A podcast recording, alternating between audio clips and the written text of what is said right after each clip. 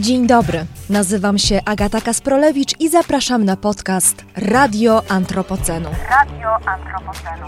A więc opowieści o życiu w erze człowieka.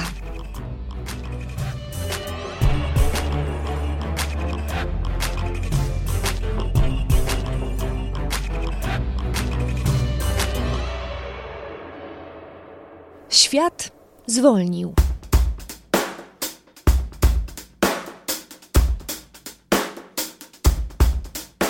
Pod moim oknem zrobiło się znacznie ciszej. Silniki stłoczonych w korku samochodów już nie warczą na siebie. Odpoczywają w garażach, a może w cieniu jakiegoś drzewa na placu parkingowym. Skuszone tą ciszą, śmiałości nabrały zwierzęta. A może po prostu wracają do miejsc, z których wcześniej je wypchnęliśmy. Lwy drzemią na asfaltowej drodze w RPA.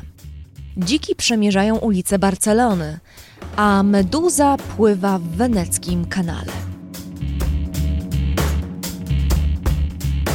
Jak długo to potrwa? Czy po tym kryzysie będziemy chcieli wrócić do normalnego rytmu? Czy zwycięży może przekonanie, że to, co dotychczas uważaliśmy za normalne, nie do końca się sprawdziło ani dla nas, ani dla naszej planety? Tym odcinku Radia Antropocenu chciałabym opowiedzieć o śmieciach. Efekcie ubocznym naszych przyzwyczajeń i przyjemności, które zmieniają krajobraz świata. Powstają usypane ze śmieci góry. Zmieniają też życie ludzi, szczególnie tych najbiedniejszych. Odcinek 11. Cena naszych śmieci wybrała za nich bieda. Dobrowolnie nikt nie zgodziłby się na codzienne wdychanie toksycznych substancji. Zdrowie to często ostatnia rzecz, którą mają do stracenia. Mimo to nie wahają się go poświęcić, by zarobić choćby najmniejszy grosz. Malezja, Filipiny, Indonezja, Tajlandia stały się wysypiskami śmieci do ostatniego świata Unii Europejskiej. Stanów Zjednoczonych, Japonii, Korei Południowej. Z pozoru to czysty biznes. Dla bogatych krajów to okazja na tani recykling. Dla biednych szansa na nowe miejsca pracy i zarobek. Problem w tym, że globalny handel odpadami to bardzo brudny interes. Dosłownie i w przenośni. We saw that um, waste imports are transformed some communities from, you know, primarily agricultural communities to dump sites almost overnight. Widzieliśmy, um, jak w ciągu jednego roku tereny rolne zmieniały się w wysypiska śmieci. Recycling operations uh, led to respiratory problems, um. Um, Spotkaliśmy ludzi, którzy mają coraz większe problemy z oddychaniem. Cierpieli z powodu problemów skórnych, wysypek, chudli. Woda została skażona metalami ciężkimi. Rolnicy um, tracili uprawy. Zaprzestano łowienia ryb i hodowli krewetek.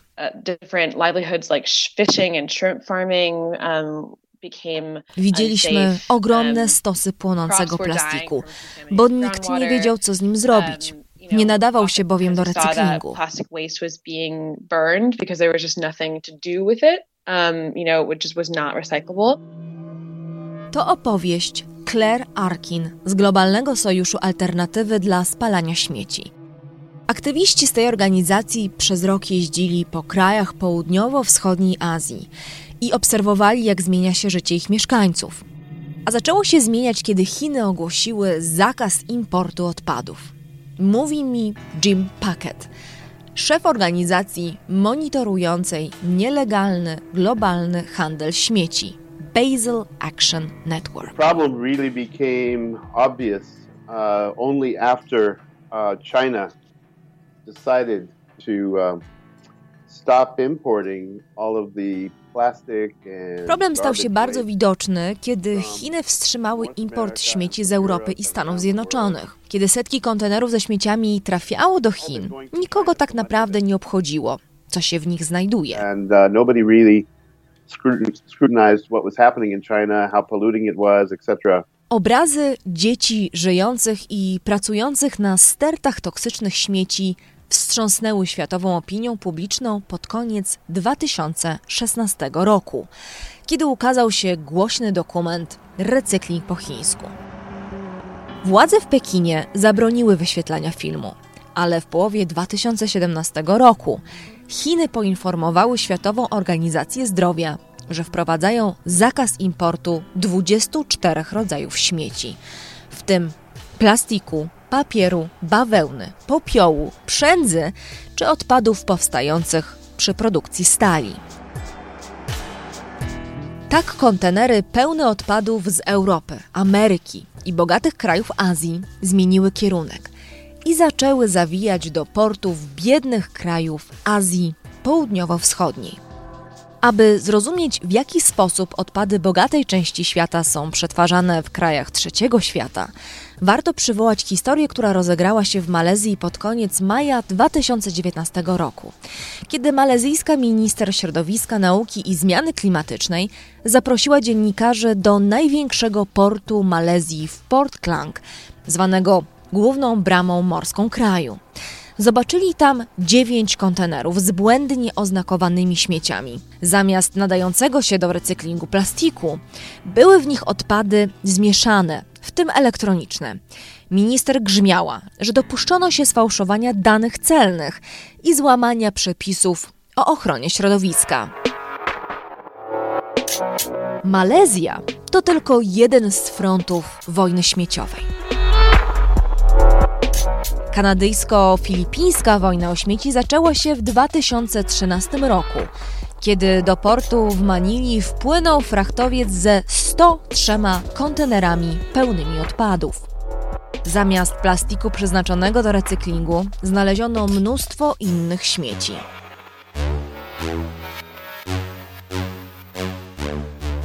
They have been languishing in uh, uh, Philippine ports for about six years now. Sześć lat te śmieci gniły w naszym porcie. To naprawdę oburzające, jak Kanadyjczycy chcieli załatwić tę sprawę. Na samym początku proponowali, by odpady wyrzucić na jedno z filipińskich wysypisk.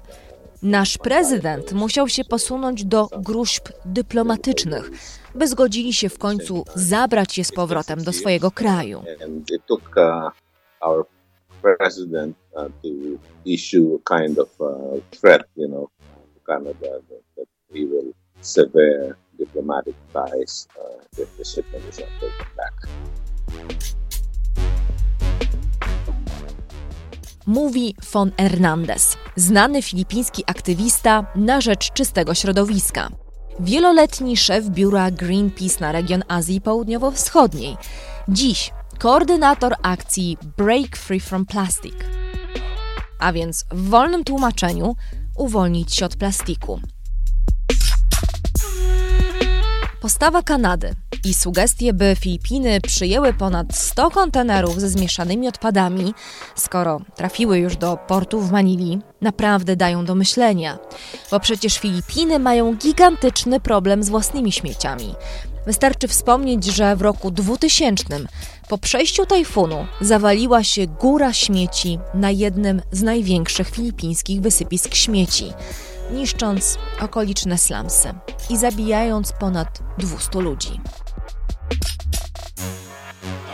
Po sześciu latach kontenery opuściły port w Manili i wróciły do Kanady, ale zdaniem filipińskiego aktywisty to nie kończy problemu nielegalnego zaśmiecania Filipin i innych krajów regionu. You have uh, unscrupulous waste traders or waste brokers who take advantage of the system. Handlarze odpadami uh, nie mają skrupułów. Uh, Dokładnie wiedzą, jak wykorzystać system.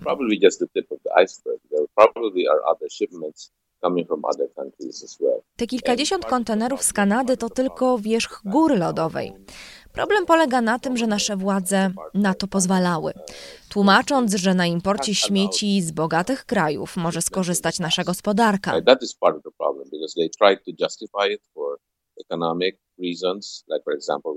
Problem w tym, że bardzo znikomy procent odpadów, które do nas trafiają, nadaje się do recyklingu.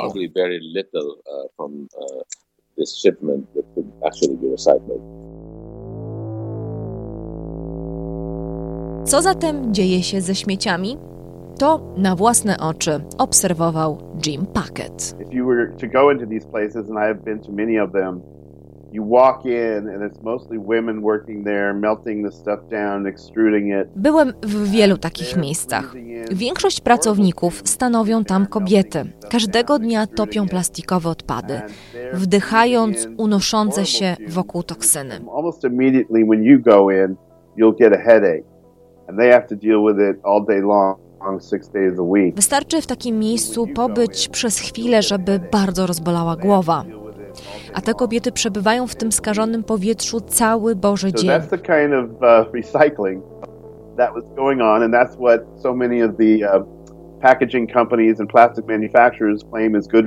I to właśnie zachodnie firmy nazywają dobrym recyklingiem. But in fact, uh, it's largely a myth ale to jest mit, bo aby przetworzyć plastik, nie zanieczyszczając środowiska i nie trując ludzi, musi to być bardzo drogi proces.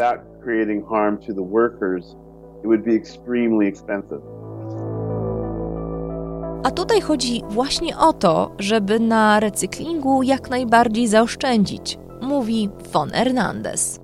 Yes, of course. I mean, the, the, the, the shipments are uh, this type of uh, waste shipments are, are sent to developing countries or poorer countries uh, because labor here is cheap, right? And envir- environment, uh, uh, environmental rules are are are lax, are lax or not thoroughly implemented. Bogate kraje wysyłają swoje śmieci do biednych krajów, bo tutaj koszt pracy jest znacznie tańszy. Przepisy związane z ochroną środowiska są przestrzegane z przymrużeniem oka koszt przetwarzania tych samych śmieci w Stanach Zjednoczonych czy Europie jest znacznie wyższy.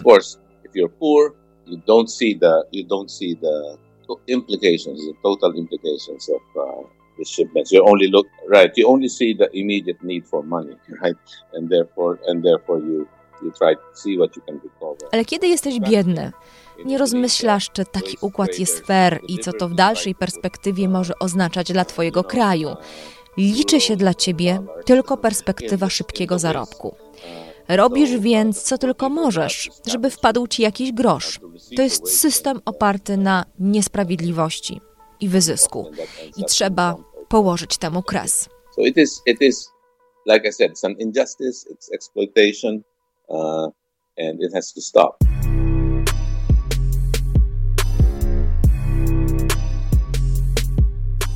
Tylko 9% światowego plastiku poddawany jest recyklingowi. W tych 9% mieści się też brudny plastik, który trafia do Azji i powoduje skażenia środowiska i choroby ludzi.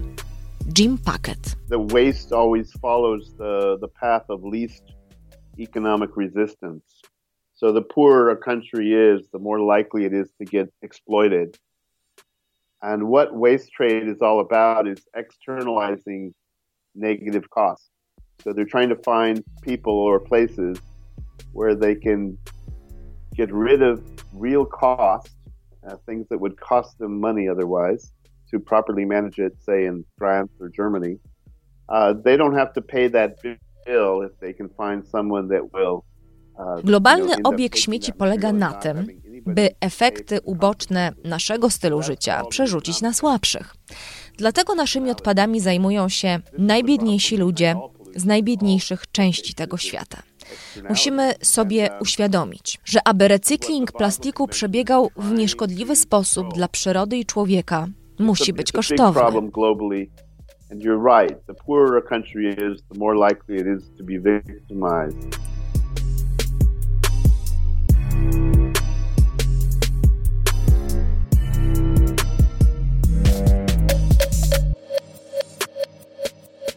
Według ostatnich wyliczeń każdego roku produkujemy 235 milionów ton plastikowych śmieci. Ta ilość mogłaby wypełnić 4,8 miliona basenów olimpijskich. Za 10 lat roczna produkcja plastikowych odpadów wzrośnie do 417 milionów. Ale plastik to tylko część mrocznej historii naszych śmieci.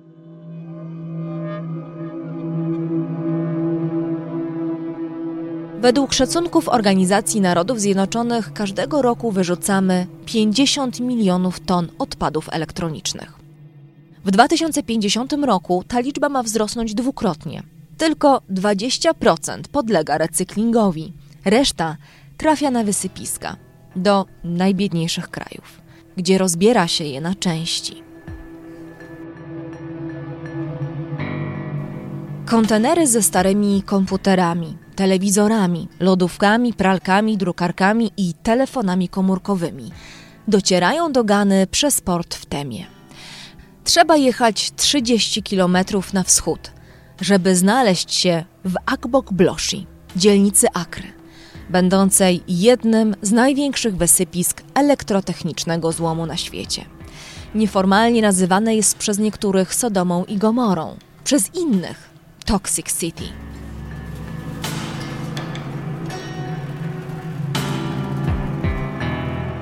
80 tysięcy mężczyzn, kobiet i dzieci utrzymuje się z odzyskiwania cennych metali ze starego sprzętu. To najbiedniejsi mieszkańcy Akry. Wielu z nich pochodzi też z północnej części Gany, wielu z Nigerii, Mali i wybrzeża Kości Słoniowej. Ich praca polega na rozbijaniu telewizorów, komputerów i telefonów, a następnie wrzucaniu ich do ogniska, by wytopić plastik. Nad niezliczonymi ogniskami unosi się czarny, gryzący dym. To strefa wysokiego ryzyka skażenia ołowiem, rtęcią, arszenikiem, kadmem i szeregiem bromowanych środków zmniejszających palność.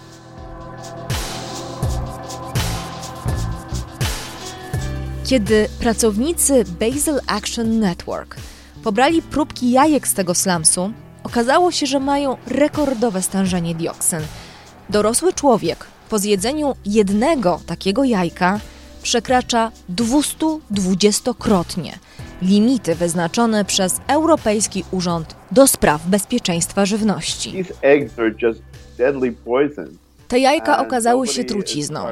To oznacza, że zagrożeni są nie tylko ludzie, którzy pracują przy śmieciach, lecz ryzyko skażenia przenosi się na całą społeczność.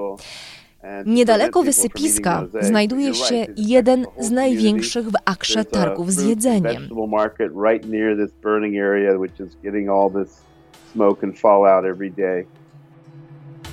You cannot give people a choice of uh, nie można ludziom dawać wyboru między biedą a trucizną. To jest nieetyczne. Człowiek nigdy nie powinien być stawiany w takiej sytuacji.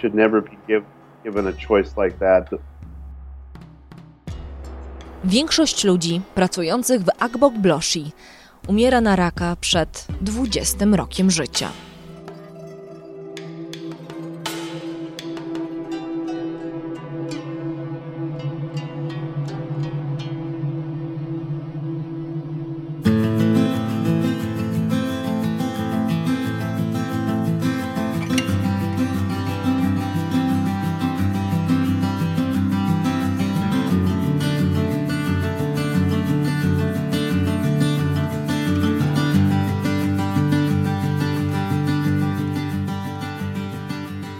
Lwy drzemiące na asfaltowej drodze w RPA, dziki przemierzające ulice Barcelony, meduza płynąca w weneckim kanale. To kojące obrazy, dające nadzieję, że świat, który nam się objawi po odejściu koronawirusa, będzie choć odrobinę lepszy i piękniejszy. Ale czy będzie to możliwe, jeśli nie zmienią się obrazy, których nikt z nas nie lubi na co dzień oglądać? Kontenerów wypełnionych po brzegi naszymi śmieciami, których chcemy się pozbyć jak najtaniej. Malezyjskich kobiet palących plastik, który nie nadaje się do recyklingu. Chłopak na przedmieściach Akry, rozbijający na część telefon komórkowy, który jeszcze tak niedawno pakowaliśmy w świąteczny papier.